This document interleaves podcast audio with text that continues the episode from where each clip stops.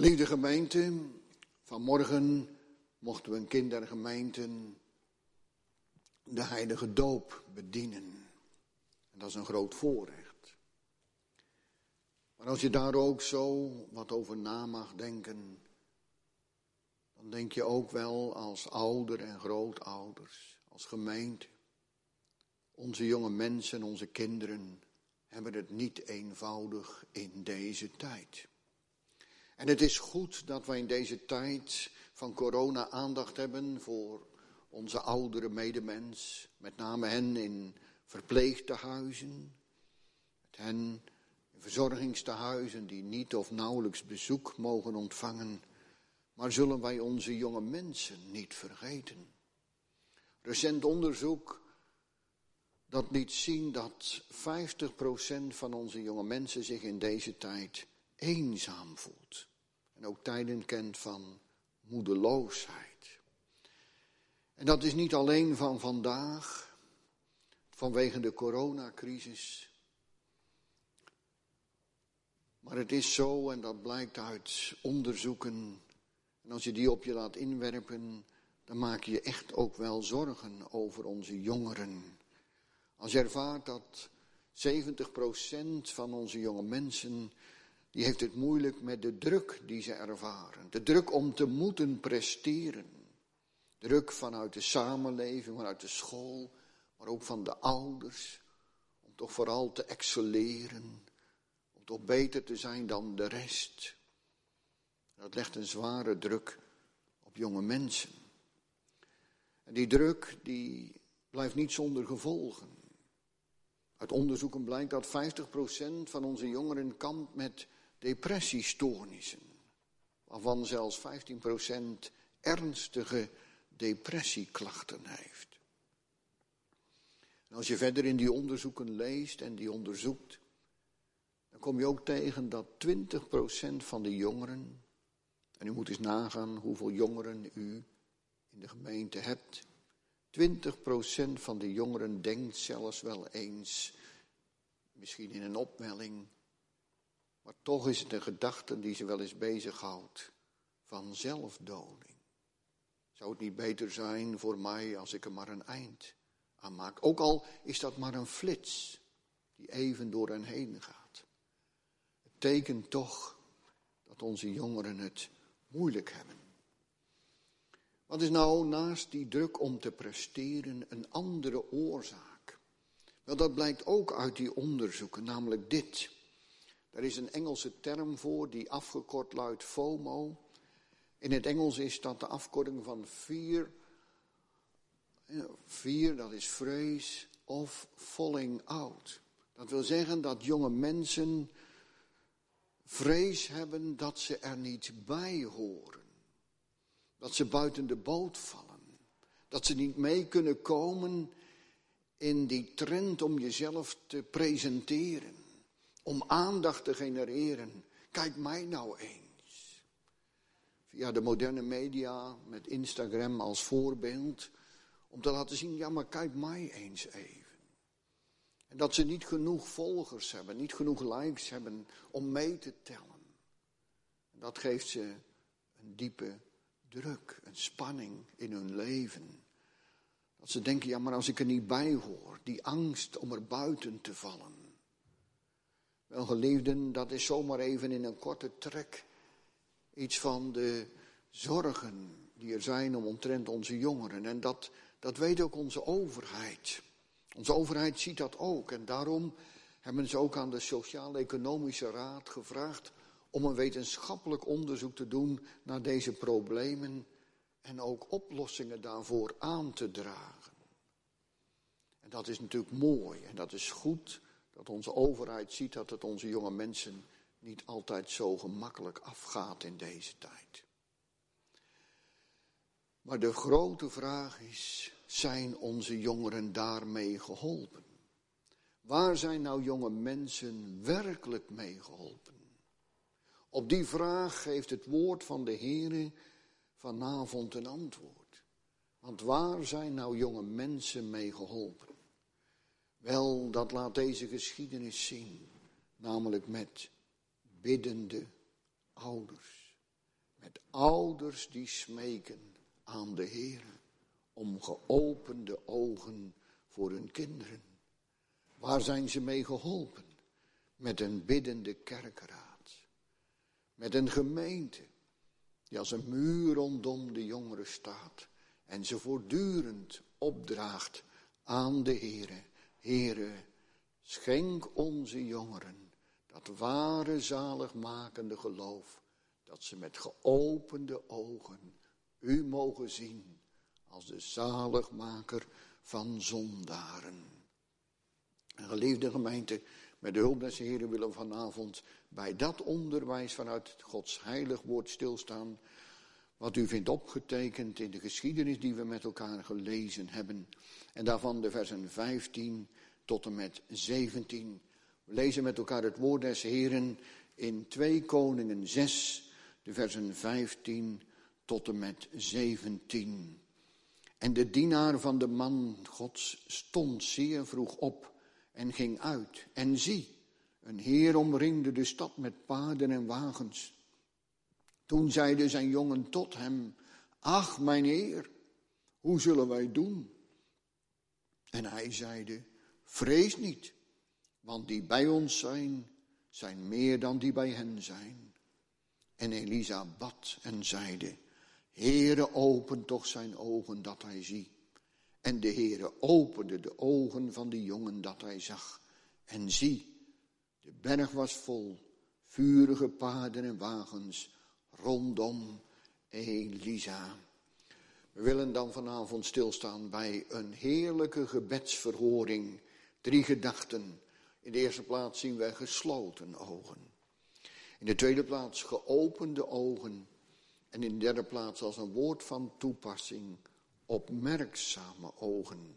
De tekstwoorden bepalen ons vanavond dus bij een heerlijke gebedsverhoring, waarbij in de eerste plaats letten op gesloten ogen, in de tweede plaats op geopende ogen en in de derde plaats als een woord van toepassing op opmerkzame ogen.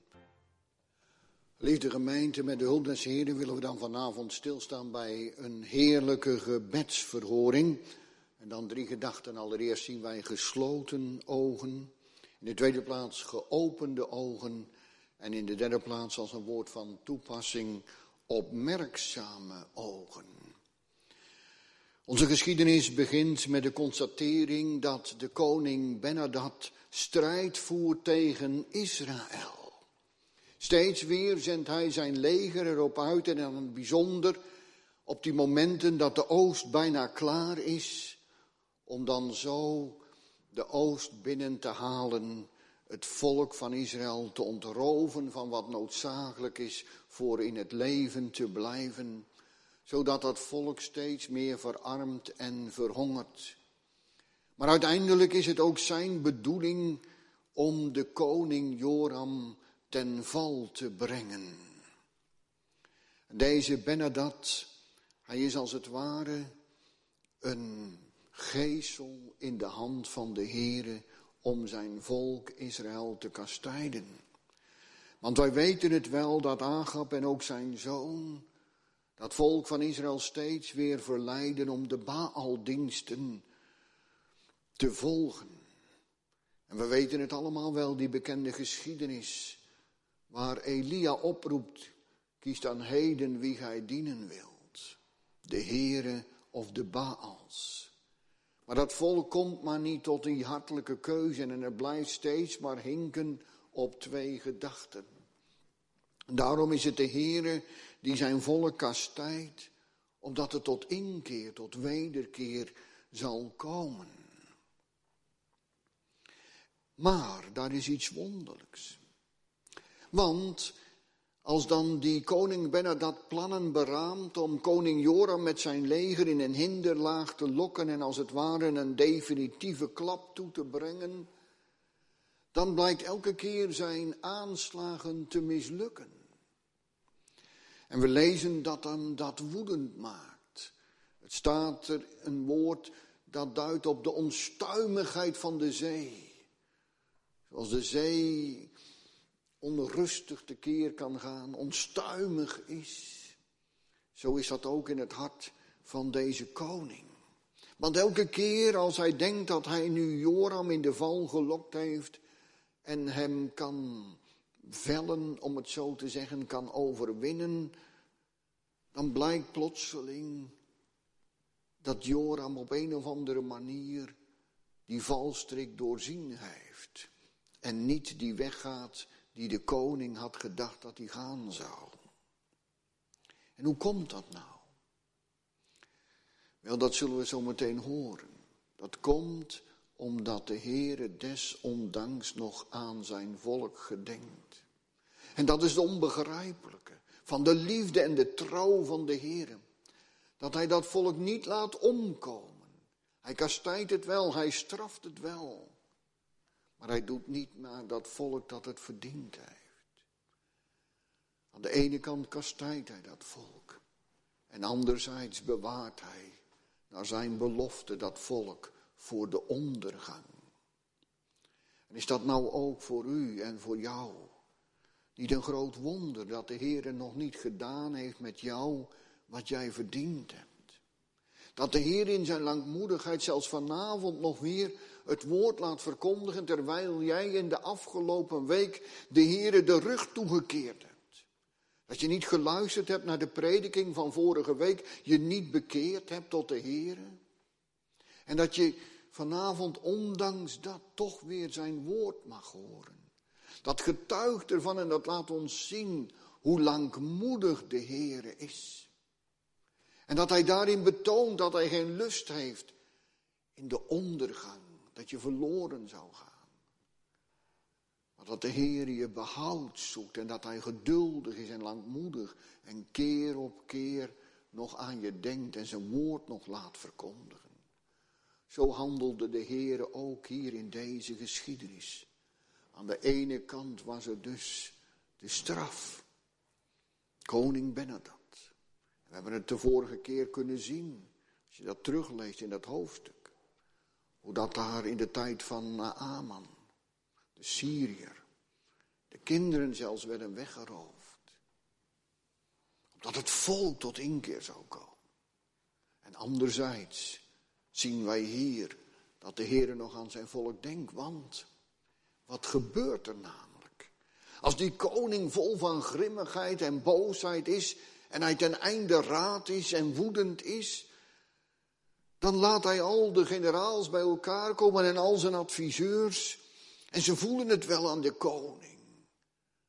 Hij is toornig, grimmig, onstuimig. En hij kijkt de kring van zijn adviseurs en generaals nodig en zijn vinger gaat rond en hij wijst naar de mensen en hij zegt die daar zitten, één van jullie verraadt mij. Eén van jullie vertelt wat mijn plannen zijn aan de koning Joram van Israël. Je kunt wel begrijpen dat er een heftige schrik is bij die mannen.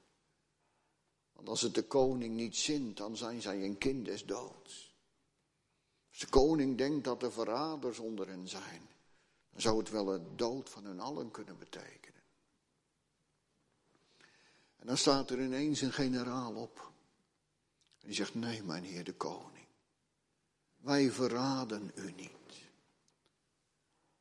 Maar er is er één die weet wat u in uw slaapkamer bedenkt. En dat is de God van Israël. En die maakt het bekend aan zijn knecht Elisa.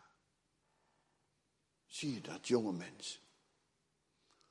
Hoe wonderlijk de Heere nog aan zijn volk denkt. Dat hij het Elisa laat weten. Als de koning Joram in doodsgevaar is.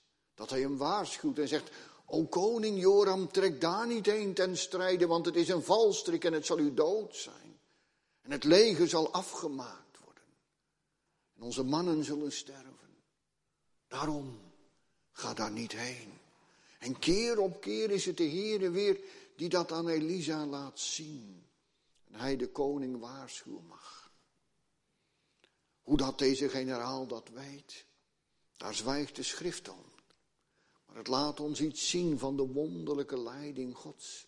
Dat er een generaal is die het diepe besef heeft dat God regeert en dat God trouw blijft aan zijn volk.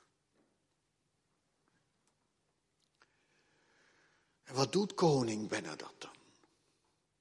Als hij daar zo'n helder getuigenis hoort van de zorg van de God van Israël voor zijn volk, dan zou je denken dat moet toch die koning tot bezinning brengen. Als hij dat hoort vertellen, dat dat de achtergrond is, dat dat de realiteit is, dat steeds zijn plannen mislukken, dan zou je toch moeten denken, dat moet hem toch tot bezinning brengen. Maar hij doet het juist niet.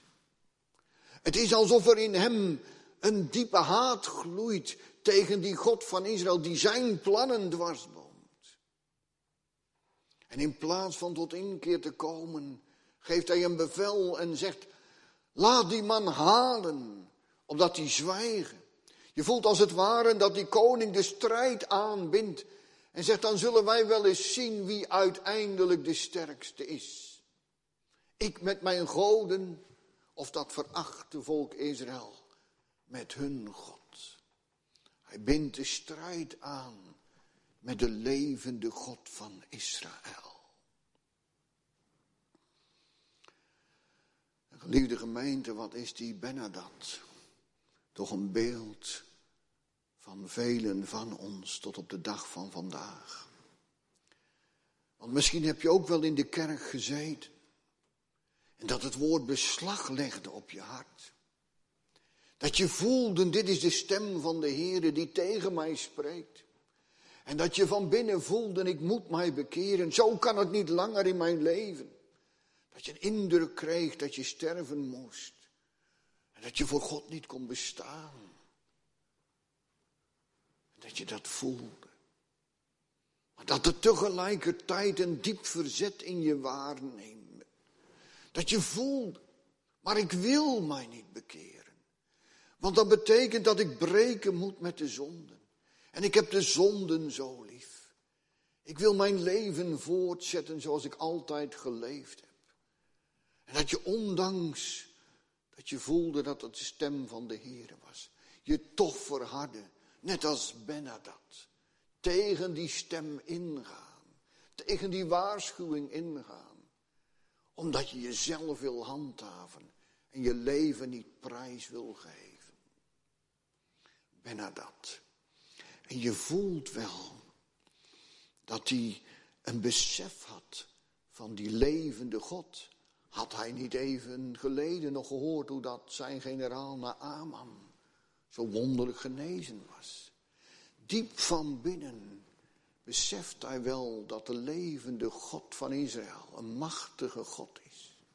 En toch denkt hij, maar ik ben sterker.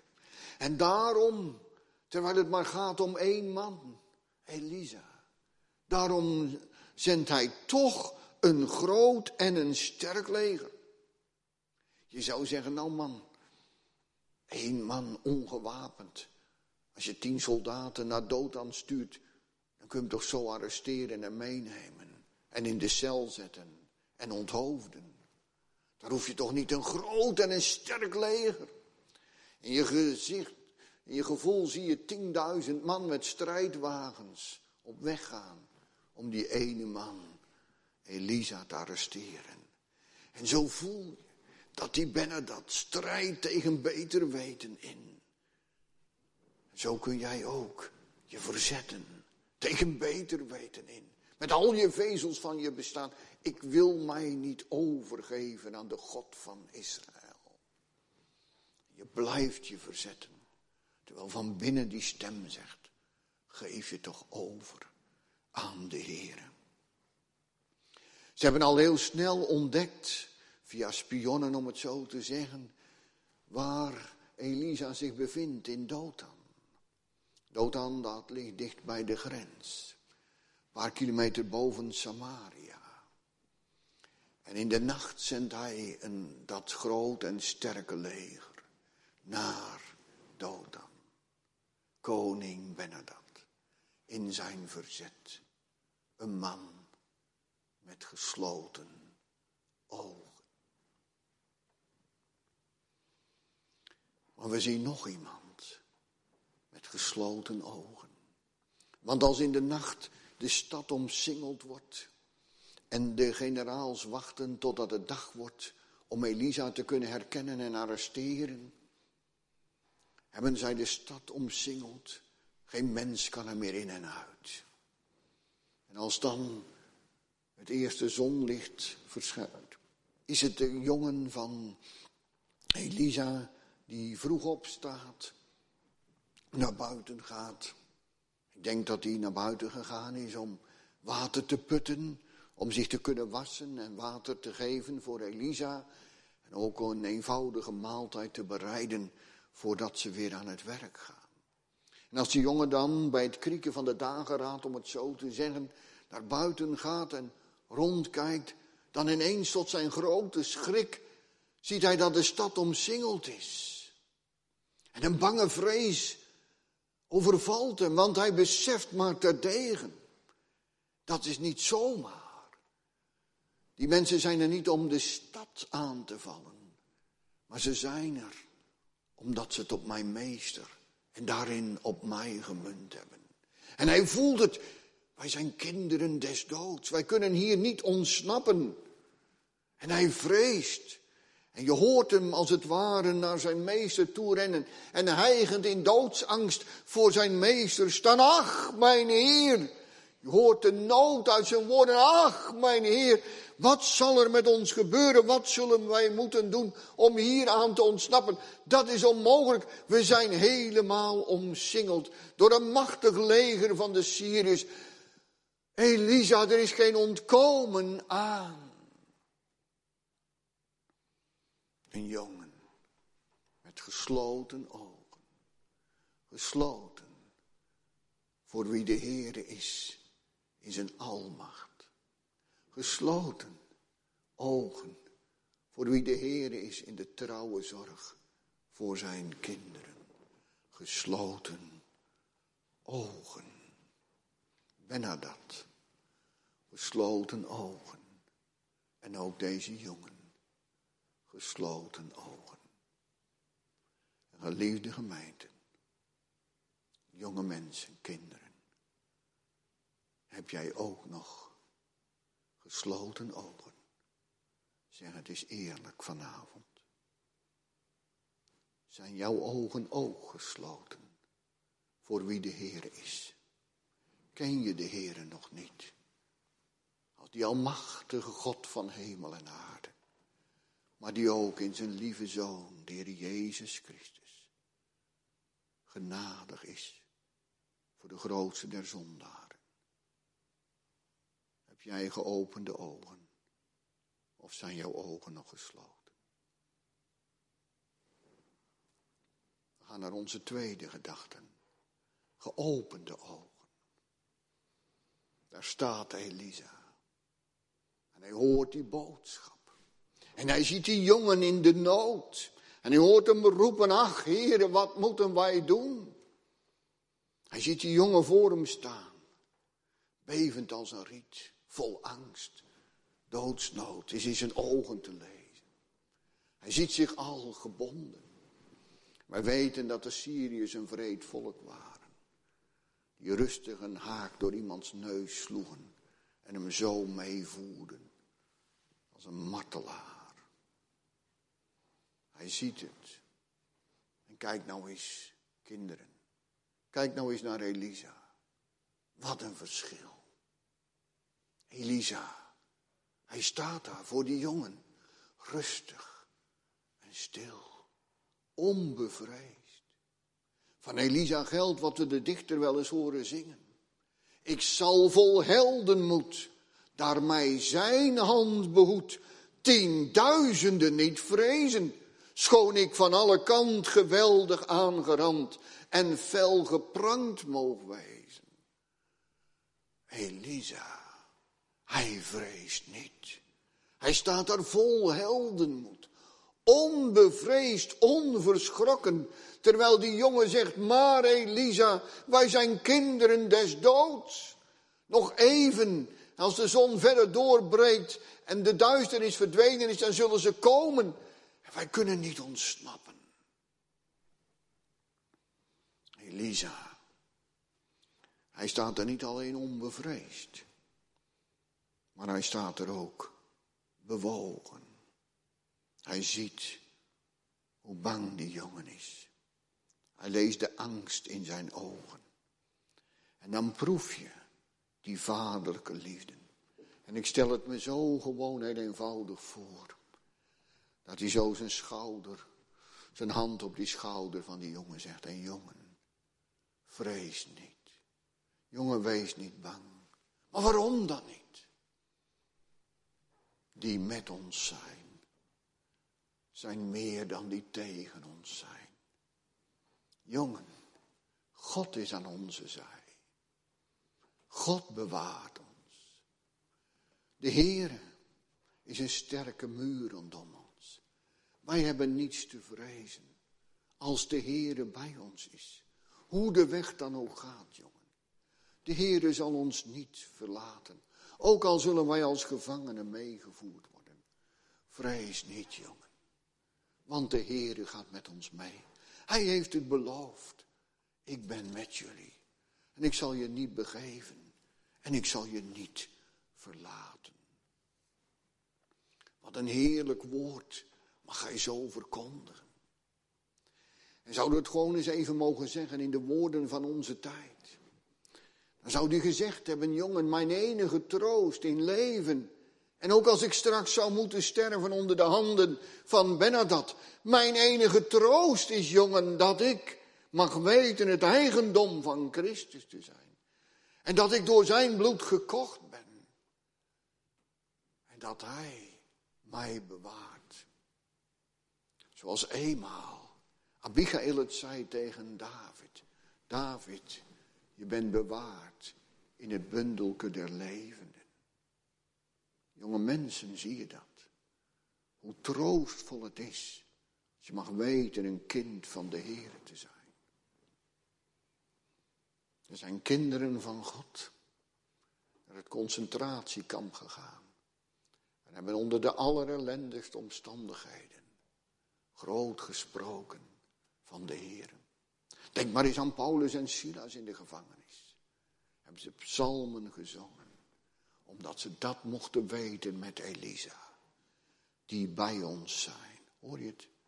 Die bij ons zijn. Ze zijn er. Wie? De Heer in de eerste plaats.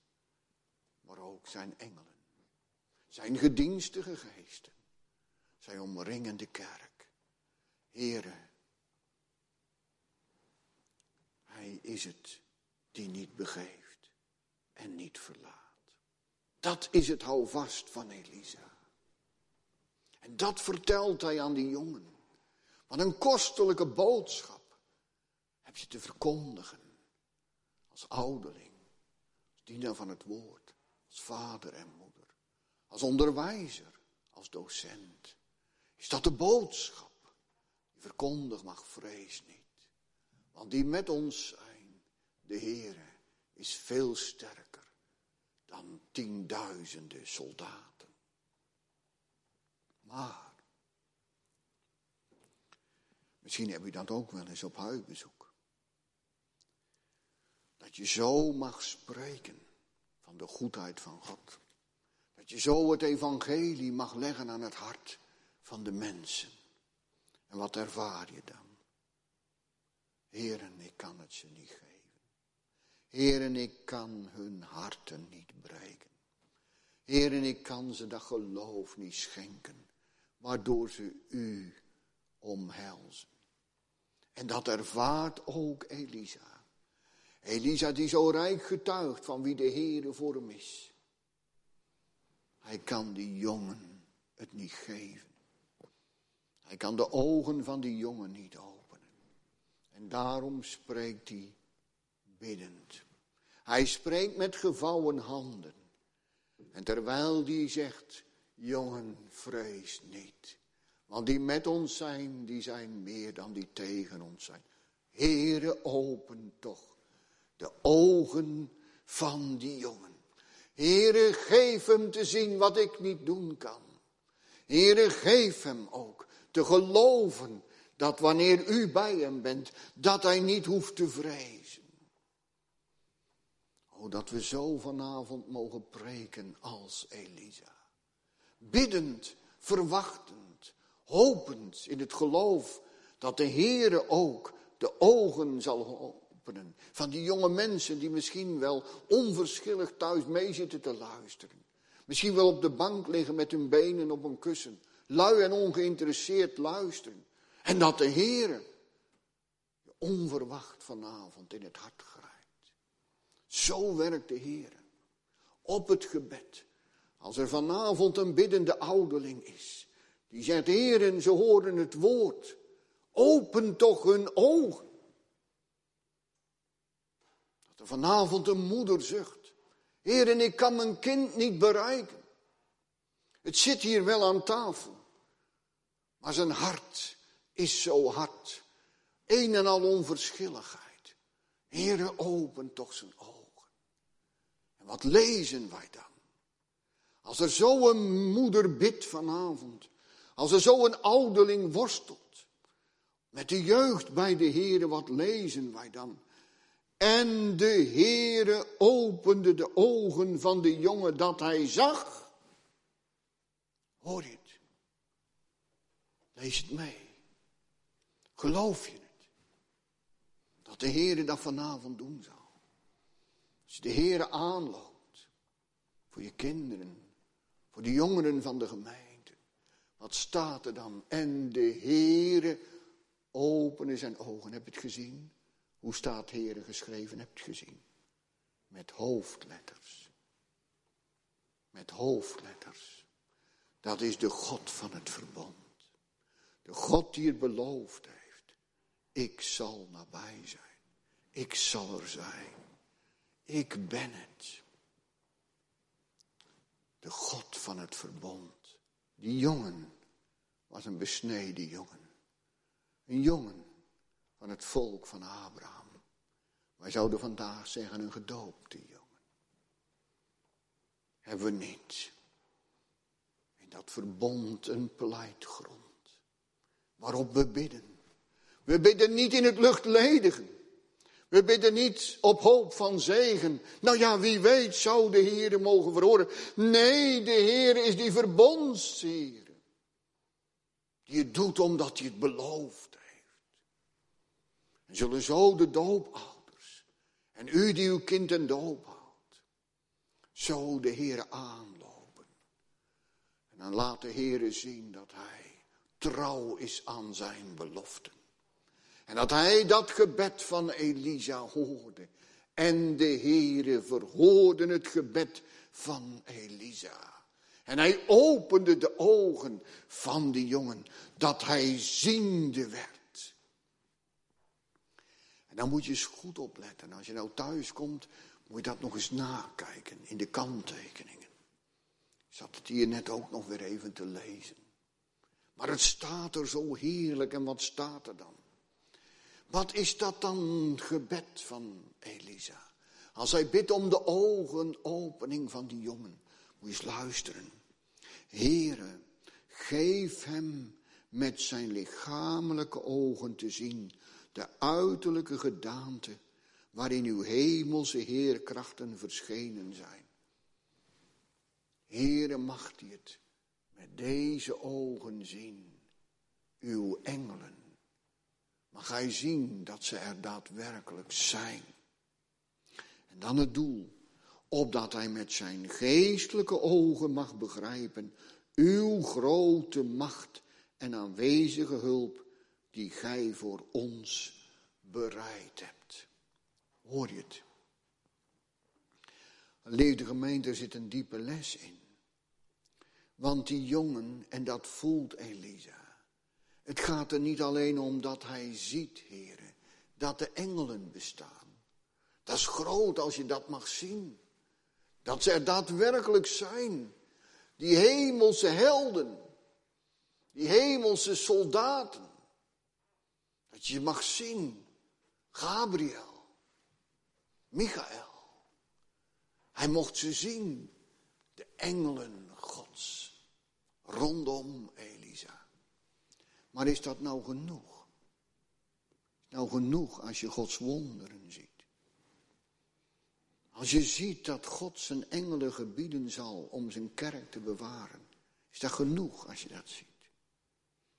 Er zijn mensen geweest die hebben gezien met hun ogen, natuurlijke ogen, dat onbegrijpelijke wonder, dat het graf openging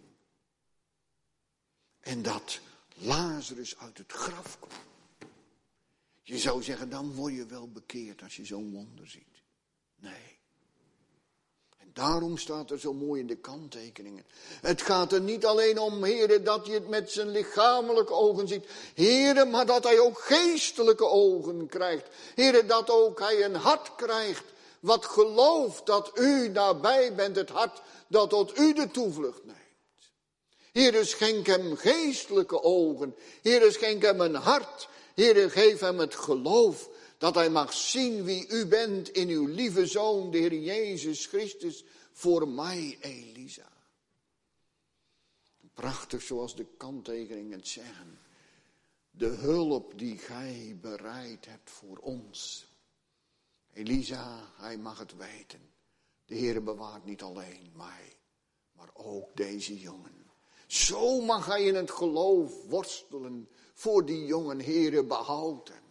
En in dat geloof mag hij weten dat de Heere horen zal. En de Heere hoorde en opende de jongen dat hij zag. Hij zag met zijn ogen, zijn bruine ogen, zag hij die engelen. Dat moet een machtig gezicht geweest zijn. Als je die engelen daar ziet als vurige helden. En hij zag het die engelen in hun strijdwagens, vurige paarden ervoor. Als het beeld van wie God is voor zijn vijanden, als een verterend vuur bij wie niemand wonen kan. O, die vurige paarden met daarop de engelen in hun strijdwagens. Ze zijn een onoverwinnelijke partij tegenover de soldaten van Benadad. Vurige paarden paarden gods uit de hemel. Elisa had ze al een keer gezien. En toen in de heerlijkheid. Om zijn geestelijke vader Elia thuis te brengen. En nu mag hij ze weer zien. Samen met zijn knecht. Ons staat een held terzijde. Dat mocht hij weten. En nu mag die jongen het ook zien. En hij zag het. Maar niet alleen met zijn natuurlijke ogen. Maar hij zag met ogen des geloofs. De Heere wil ook aan mij gedenken. De Heere verlost ook mij uit mijn grote nood. En zo mag ook deze jongen leren vertrouwen. Dat de Heere nabij was. En dan staat het er zo heerlijk. Dat dat leger gods vol en rondom was. Zoals die vijand zich rondom Elisa en zijn knecht geschaad had. Zo had ook de Heere zijn engelen de opdracht gegeven. Wees een vurige muur rondom Elisa en zijn jongen. Oh, wat is dat een troost. Als dat ervaren mag worden wat de dichter zingt in Psalm 34. Des Heeren engels gaat een onverwinbare hemel wacht rondom hem die Gods wil betracht. Hij is dus wel bewaard. Hoe wordt het waar wat Elisa zei? Jongen, vrees niet. Oh, en nou hoeft die jongen ook niet meer te vrezen. Want hij mag het zien en geloven. De Heere is bij ons. Wij zijn wel bewaard. De Heere zal ons nabij zijn en ons niet verlaten. Vrees niet. Die boodschap wordt zo heerlijk bewaard. We horen als het ware de echo van het woord van Mozes, de leidsman. Als hij ook tegen dat vrezende volk zegt, als ze omringd worden door de farao met zijn legers en de schelzee voor hen is en ze naar hun waarneming nergens meer heen kunnen, ook omringd worden aan alle zijden, is het ook Mozes die het weer zegt tegen zijn kinderen. Vrees niet, het heil is des Heeren, hij zal voor u strijden en gij zult stille zijn. Is dat niet heerlijk, kind van God, om dat te mogen weten? om dat te mogen geloven. En je denkt, kan dat ook voor mij, jongen van 16? Kan ik daarin ook delen? Zou ik dat ook mogen kennen? Ja, de Bijbel laat het zien. Dat ook jonge mensen vol des geloofs mogen zijn. Daar hoef je geen oude wijze profeet als Elisa voor te zijn. Maar daar kun je ook jong van getuigen. Denk maar eens aan die drie jonge vrienden. Als ze daar staan voor de vurige oven. En de wereldheerser zegt, denk erom. Denk erom dat je voor mij buigt, anders ben je een kind des doods. Als ze zien hoe dat de oven zevenmaal heter gestoot wordt. Buig voor mij. Of je zult de marteldood sterven in de verbrandingsoven. Wat zeggen die jongens dan? Dan zien zij ook omhoog. En dan zeggen ze tegen de koning, wat Gods weg met ons is, weten wij niet. Als het de weg van de Heer is, dat wij in die oven zullen omkomen, het is goed. Want wij weten ons geborgen in Hem. Maar wij mogen het ook voor u beleiden, dat onze God machtig is om ons ook in de vurige oven te bewaren. Zie je dat? Daar hoef je dus niet oud voor te zijn. Maar ook jonge mensen mogen delen met deze jongen in dat geloof. Dat je zien mag dat de Heer zijn engelen zal zenden om je te bewaren. Te midden van de vrienden die zeggen, je hoort er niet meer bij. Op je werk waar ze de spot met je drijven. In de familie waar je niet meer welkom de Heer zal je sterken en ondersteunen en bewaren. Hij zal ook jou zijn engelen zenden. Want die drie jongens, ze zijn de oven ingegaan. Maar wie was er bij hen? In de oven, de engel des Heren. En zo is de Heer steeds weer nabij. En zo heeft hij het aan zijn kerk beloofd en ik zal met u zijn tot aan de voleinding der aarde. De Heere, hij zal zijn kerk niet begeven en niet verlaten. En het wordt waar in het leven, te midden van alle beproevingen. Wat we met elkaar gaan zingen. Uit Psalm 91, het vijfde vers. Hij die op Gods bescherming wacht, wordt door de hoogste koning beveiligd in de duistere nacht. En dan ga je het ook leren. Ik steun daarop, op mijn God, mijn toeverlaat. Gaan we het zingen met elkaar uit Psalm 91 en daarvan het vijfde vers.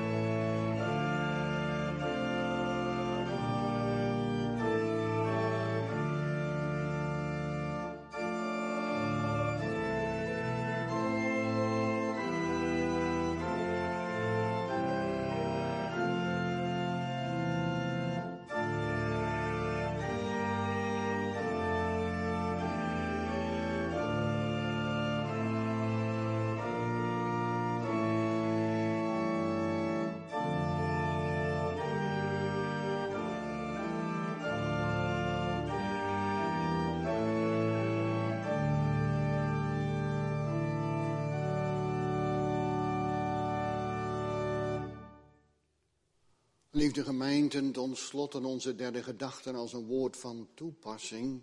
Opmerkzame ogen. En de Heer geven ons vanavond onder het luisteren opmerkzame ogen. Merk op mijn ziel wat God tot u spreekt. Wat wil de Heer ons nou vanavond in het bijzonder nog laten zien vanuit deze geschiedenis? Wel, als we bij het eerste vers van ons tekstgedeelte beginnen, dan staat er zo nadrukkelijk: En de koning van Syrië voerde krijg tegen Israël. En in dat woord zie je als het ware een vervulling wat er al gezegd is door de Heer. Daar in Genesis 3. En ik zal vijandschap zetten tussen u en tussen deze vrouw en tussen haar zaad en uw zaad. Daar is een strijd gaande. Allereerst tegen dat volk van Israël. Dat zie je in het hele Oude Testament. Daar zie je hoe dat de farao krijg voert tegen Israël. Om dat volk te onderwerpen. Om dat volk uit te roeien. En daarin achter zien wij de hand van de vorst van de duisternis. Opdat de zaligmaker niet geboren zou worden. Hoe zien wij die strijd ook weer oplaaien als wij denken aan Haman, hoe hij gepoogd heeft om dat volk uit te roeien. Hoe de Heer voor dat volk gewaakt heeft. Maar we zien het ook doorgaan. Die vervolging, die strijd tegen dat volk van Israël. Omdat het Gods volk is, omdat het het uitverkoren volk is. Een woedende strijd tegen dat volk. Denk maar eens aan de pogroms in de middeleeuwen. En het zat op ons aller netvlies gegraveerd. Hoe daar Hitler geprobeerd heeft dat volk van God uit te roeien. Zes miljoen van hen heeft hij op welke wijze dan ook gruwelijk vermoord. Concentratiekampen, gaskamers en noemt u het maar op. En Benadat voerde krijg tegen Israël. Leest u de krant goed. Dan zult u zien de actualiteit van deze woorden. Dat u opmerkzaam mag zijn op wat er gaande is in deze wereld. Dat voortdurend ook het gebed zij voor dat volk van Israël. Maar die strijd is niet alleen gericht tegen dat volk van Israël, als de afstammelingen van Abraham, Isaac en Jacob. Maar die strijd is breder, die is dieper, is intenser. Van de vorst der duisternis. Om zijn onderdanen vast te houden. In zijn gruwelijke klauwen. Om ook onze jongeren mee te voeren. Weg van het evangelie. Weg van de boodschap van verlossing. Om ze mee te voeren naar de eeuwige rampzaligheid. Jonge mensen. Er wordt een strijd om jullie ziel. Zie je dat? Zijn je ogen daarvoor open gegaan? Of zie je dat nog niet? Heb je dat nog niet in de gaten? Zie je niet welke geweldige macht je telefoon over je heeft? We hebben daar in het begin al iets van gezegd. Hoe dat die telefoon en alles wat er omheen cirkelt aan social media. Zelfs voor een wereldse jongeren al een groot gevaar is. Dat hij vreest er niet bij te horen. Maar voor jullie jongeren. En ook voor hen natuurlijk. Een nog veel groter gevaar. En ik hoor je denken. Ja, dominee, daar moet u nou eens op mee houden. Dan moeten de ouderlingen en de dominees maar eens mee stoppen om altijd over die smartphone te praten. En mijn ouders hebben het er ook altijd al over. Dat moet nou maar eens klaar zijn. Dat wil de duivel graag. Die wil dat wij dat accepteren. Die wil dat wij dat gewoon vinden. En veel ouders hebben al de strijd opgegeven. Maar zie het eens. En vraag nou eens om geopende ogen. En kijk nou eens wat een verslavende macht ervan uitgaat. Vertel nou eens eerlijk aan de Heer wat je allemaal gezien hebt. Waar je naar gekeken hebt. Waar je om gelachen hebt. Wat je opgewonden heeft. Wat je afgetrokken heeft van zuiverheid en reinheid. Vraag nou eens om geopende ogen. Wat hebben onze jonge mensen nodig dat u bidt, Heere, geef ze geopende ogen. Heere, geef toch dat ze zien in welke grote nood ze verkeren. Dat ze met die jongen ook zien mogen. Dat ze omringd worden door zonden. Dat ze omringd worden door vijanden. Dat ze omringd worden door de vorst der duisternis. Dat ze een hart hebben dat zo onbekeerlijk is. En dat ze net als met die jongen in die nood roepen. Wat moet ik doen? Zo daarom vragen. Heer, geef ze geopende ogen. Dat ze zien mogen. Wat vanmorgen gelezen is vanuit het doopformulier. Dat wij kinderen des torens zijn. Dat wij het rijk van God niet binnen kunnen gaan. Als je dat toch ziet, jonge mensen, dan wil je niet meer naar die smartphone met al zijn verleidingen. Dan zeg je weg. Weg ermee. Niet dat je dat ding niet gebruiken mag, natuurlijk wel. Maar je krijgt ogen om te zien. De verleidende kracht erin. En je wilt het niet meer. Omdat je zo gevoelt dat het je van de Here afhoudt. Dat het je bekering in de weg staat. Omdat je in die grote nood met onze catechismus leert vragen, Heren. Here, kan ik nog met u verzoend worden? Here, is er ook voor mij nog een weg tot verzoening? Here, dat ik toch vergeving ontvangen mag van al mijn zonden. En zou je dan niet bidden, als dienaar van het woord, als ouderling en als ouders. En als u zelf geen kinderen hebt, voor de kinderen van de gemeente. Heere, open toch hun ogen, dat ze u, de Heer Jezus, mogen zien. Dat ze mogen zien, Heer Jezus, dat uw offer een volkomen betaling is voor de zonde. Maar dat niet alleen, dat ze ook mogen zien uw bereidwilligheid om ze zalig te maken. Dat ze mogen zien dat dat offer ook een volkomen verzoening is voor hun zonde. Heren, dat ze mogen zien dat u de weg bent, de enige weg, waardoor ze zalig kunnen worden. Heren, geef toch dat u hun ogen opent voor uw schoonheid, voor uw heerlijkheid, voor uw liefde. Heren, open ze hun ogen, dat ze zien mogen. Heren, doe het toch uit genade. En dat we zo met Elisa mogen laten zien in onze woorden en in onze daden hoe goed het is om de Heere te dienen. Vrees niet, wees in geen ding bezorgd. Dat onze jonge mensen het mogen zien in onze leven, in onze woorden, in onze daden. Dat er geen heerlijker leven is dan het leven met de Heer. Dat we een lieflijke reuk van Christus verspreiden. Zoals Elisa dat daar mocht doen. Toen hij zo vaderlijk en liefdevol zijn hand om die jongen legde. En zegt, jongen, vrees niet. Vrees niet, want ik mag het weten. De Heer zal je bewaren. De Heer zal zijn engelen gebieden, jongen dat ons niet zo voorkomen kan. Biddend getuigen en getuigend bidden. Heere, doe het uit.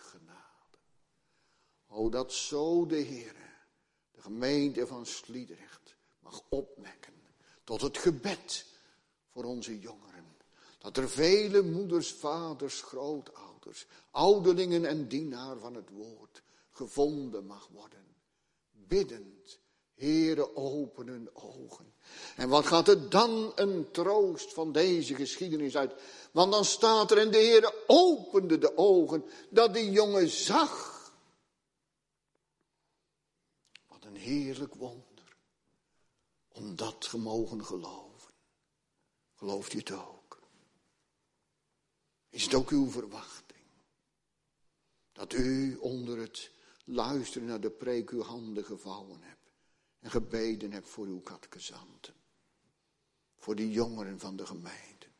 Waar je als koster zoveel mee te maken hebt. En als je ze ziet komen. Dat je in de deur staat en zegt, heren. Heren zegen het onderwijs als ze naar de katkezatie gaan. Een biddende koster. Wat een zegen voor de gemeente. Jongens, zul je goed opletten. Op de catechisatie, op de vereniging goed meedoen. Want de Heere wil het zo zegenen. Open de ogen. Als je naar een huisbezoek gaat. Heere, wilt u mij gebruiken? Dat ik goed van u mag spreken. Maar ik kan de ogen niet openen. Maar u wel, Heere. En dat je dan hoop mag krijgen. En je zegt, maar Heere, hier staat het toch. En de Heere opende de ogen. Dat hoeft u niet te doen. Gelukkig niet. Ik word zo vaak vertroost door die gelijkenis van de Heer Jezus. Als hij zegt dat die boer gaat zaaien. Dat moet u doen, dat moeten wij doen, dat moeten vaders en moeders doen. Zaaien van dat woord. En wat staat er dan? En de boer ging slapen. Dan mag je rusten in kinderlijk vertrouwen dat de Heere zal doen wat wij niet kunnen. Planten en nat maken. Maar God zal de wasdom geven. En de Heere opende de ogen van de jongen. Zodat maar tegen de Heere zeggen. Heere, wij kunnen het niet. Maar u kunt wel hun ogen openen. En Heere, naar uw verbondsbeloften. Want er staat Heere met hoofdletters. Naar uw verbondsbeloften zult u de ogen openen. Om zo in verwachting van de Heere biddend te pleiten. Open de ogen. Volk van God. Opmerkzame ogen. Heb je het vanmiddag gezien? Heb je het gezien? Elisa in zijn kinderlijke vertrouwen. Op dat woord wat de Heer eenmaal gesproken heeft tegen Jozua. Jozua, ik ben met u. En ik zal u niet begeven. En ik zal u niet verlaten. Zoals de Heer Jezus gezegd heeft zijn kerk. En ik ben met u tot aan de voleinding der aarde. Oudere kinderen van God. Ben je ook zo bang voor dat coronavirus? Ben je ook zo bevreesd dat je misschien besmet raakt? Dat je zo krampachtig wordt? Wat zegt de Heer? Wees nou in geen ding bezorgd. Heb je het gelezen in Psalm 91? Mag je je zo in zijn hand geborgen weten? En die geloofsoefening, mijn tijden, zijn in zijn hand. Elisa. Hij zegt er die bij ons zijn. Als de Heer nou met je is, dan hoef je toch niet bezorgd te zijn. Ook in deze tijd. Want hij zal niet laten varen het werk van zijn handen. Vertrouw nou eens kind van God op je Heer en Meester en Vader. Wat doe je de Heer toch vaak verdriet. Doordat je hem wantrouwt in klein geloof. Dat je zo vaak twijfelmoedig bent. Zie nou eens vanavond met opmerkzame ogen wie de Heere wil zijn voor zijn kerk. Hij Elisa zonder vrees deed staan, omringd door zijn vijanden. Ik zal vol heldenmoed tienduizenden niet vrezen. Kom, kerk des Heeren. Vrees niet. hoe de duivel ook rondgaat. En hoe hij ook zoekt u te verslinden. Zie nou eens op uw lieve meester, de Heer Jezus Christus. En wat heeft hij tegen u gezegd? Kind van God, vrees niet, want uw namen zijn in mijn handpalm gegraveerd. En niemand, ook de duivel niet, zal u uit mijn hand kunnen rukken. Amen.